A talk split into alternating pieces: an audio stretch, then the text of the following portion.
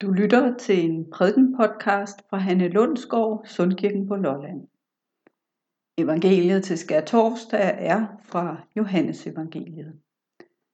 Jeg læser fra Bibelen 2020, Johannes evangeliet, kapitel 13. Det var kort tid før påskefesten, og Jesus vidste, at tiden nu var kommet, hvor han skulle forlade verden og vende tilbage til sin far. Lige til det sidste blev han ved med at elske dem, Gud havde givet ham ansvar for, sådan som han hele tiden havde gjort. En aften var Jesus og disciplene ved at spise. Djævlen havde allerede plantet den idé hos Judas, Simon Iskariots søn, at han skulle forråde Jesus.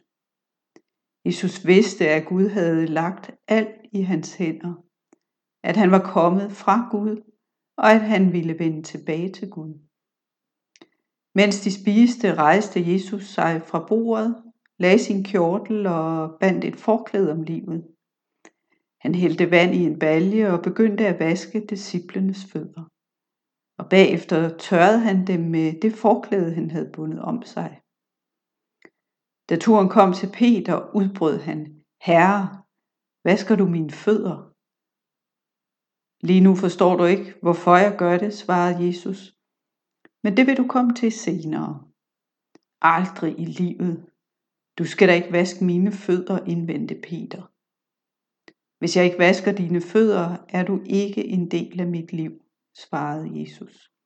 Så skal du ikke kun vaske mine fødder, udbrød Peter, men også mine hænder og mit hoved. Jesus svarede, den, der har været i bad, behøver kun at få vasket fødderne for at være helt ren. Og I er rene, fortsatte Jesus. Næsten alle sammen. Det sagde han, fordi han vidste, hvem der ville forråde ham.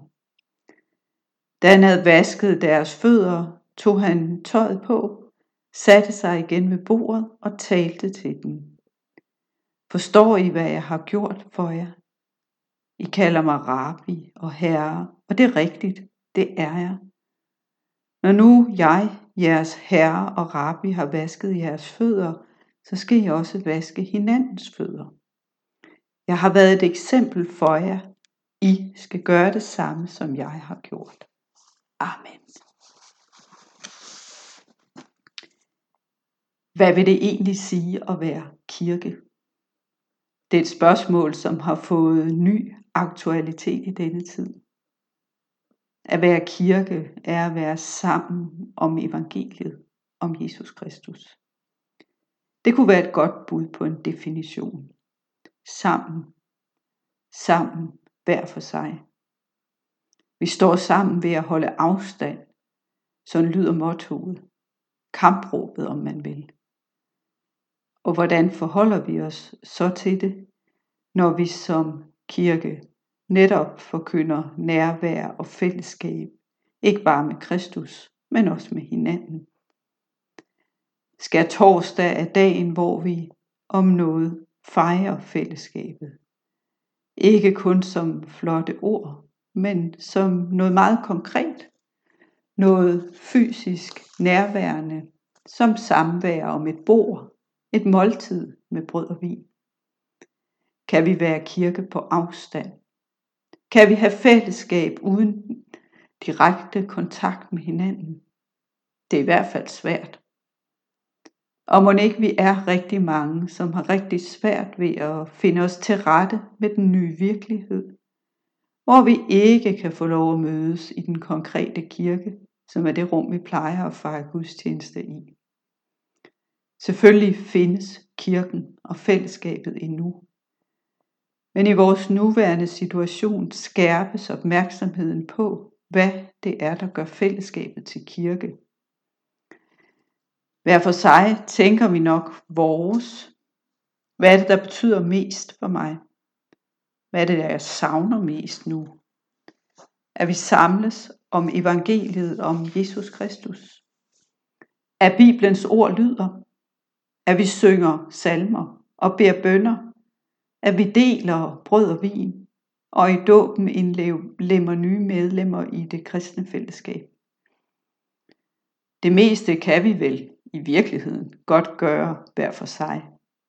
Eller sammen med vores allernærmeste, hvis vi er så heldige at være flere sammen derhjemme. Men det bliver aldrig det samme. Det mærker vi i krop og sjæl og sind og tanker. Det er meget, meget svært at være kirke alene.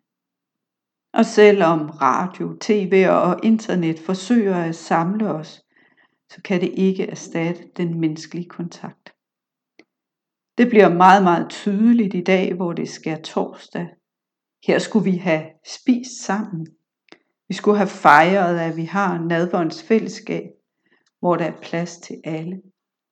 Og vi skulle have hørt fortællingen om, hvordan Jesus vasker disciplenes fødder, for at dele livet med dem. For at de skal have lod og del med ham, og han med dem. Vi kan selv vaske vores egen fødder, og hoved og hænder med. Håndvask er vi faktisk blevet eksperter i.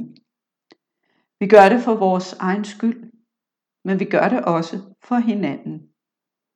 Og måske er det et godt berøringspunkt til beretningen om, hvordan Jesus tager affære over for disciplene. Han vasker deres fødder. Han gør det for deres skyld. Lige nu forstår du ikke, hvorfor jeg gør det, siger Jesus til Peter. Og det er rigtigt. Peter forstår ingenting. Eller misforstår som så ofte før hele situationen. Det handler om kærlighed. At Jesus elsker til det sidste og ud over al forstand og på uforståelige måder. At være der for det andet menneske handler om at gøre noget for andre. Som jeg har vasket jeres fødder, skylder I også at vaske hinandens fødder. Der bliver ingen fodvaskning og ingen fællesspisning i denne påske. Så langt fra. Skal vi så bare sidde hver for sig og vente på bedre tider? Tjo, det skal vi jo på en måde. Men på den anden side kan vi også godt genoverveje med os selv og hinanden, hvordan vi kan være kirke. Ikke kun med bibellæsning, bøn og salmesang, men også med hjælp og nærvær og omsorg. Når Jesus vasker disciplenes fødder, er det et udtryk for den tjenende kærlighed, som ikke er for fin til at tage sig af almindelige dagligdags opgaver og bekymringer. Dem er der også en del af i øjeblikket. Hvor skal vi handle, og hvornår? Hvordan har vores familie det? Klarer de sig? Er de sunde og raske? Har de brug for praktisk hjælp eller opmundring i ensomheden? Hvordan kan vi holde modet oppe og fastholde håbet? Vi står sammen ved at holde afstand. Vi gør alle en indsats, ikke mindst for at tage vare på de svageste i samfundet. Måske er det os selv eller nogen vi kender. At tale med hinanden, at bede for hinanden, at lytte til de andres tanker og bekymringer. Lige nu kan det faktisk og måske særligt jo længere tid der går, være svært at forstå, hvorfor vi gør det, vi gør. At gøre noget, an- noget for andre har fået nye betydninger. Vi er omsorgsfulde ved at holde afstand. Vi offrer samværet for fællesskabets og de svage skyld. Vi må og skal tro på, at det er meningsfuldt. Måske ser vi sidenhen verden og fællesskab og kirken med nye øjne. Det tror jeg faktisk. Når Jesus vasker disciplenes fødder, er det udtryk for konkret og nærværende kærlighed. Men det er også udtryk for noget meget større og meget mere. Det peger frem mod langfredag, hvor Jesu tjenende kærlighed viser sig som den fuldkommende kærlighed, der kan overvinde al frygt og angst og død og ondskab. Hos Jesus Kristus er der plads til det hele. Hos ham er der plads til alle. Et fællesskab, som favner også den Judas, der svigter, og den Peter, der ingenting forstår. Vi bliver en del af hans liv, når han bliver en del af vores. Derfor er kirkens fællesskab for alle. Og når vi igen kan mødes konkret og se hinanden ansigt til ansigt, der tror jeg, at vi vil være kirke med fornyet kraft. Længslen er stor. Men vi tror, at vi ved og håber, at det er sandt, at det bliver godt igen. Kristus er med os på hver vores sted. Kirken og fællesskabet lever fortsat. Måske ser det anderledes ud på den anden side. Men Kristi kærlighed er uforandret og favner alverden. Han viser det, når han vasker disciplenes fødder og deler brødet og vinen med dem og os. Han er et eksempel for os. Vi skal gøre det samme, som han har gjort. Kærlighed kan kun modtages og besvares med kærlighed.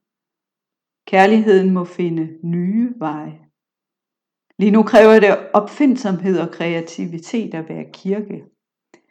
Lad os bede til, at troen, håbet og kærligheden må leve i Jesu Kristi kirke, indtil han kommer igen. Amen. Og lad os bede. Jesus Kristus, alt er lagt i dine hænder i dag. Men på vej mod døden og siden himlen bøjer du dig for os og viser os, at størst af alt er kærligheden til det andet menneske. Nu beder vi dig, lad os aldrig glemme, at når vi bøjer os for hinanden, så løfter du os ind i himlen. Amen.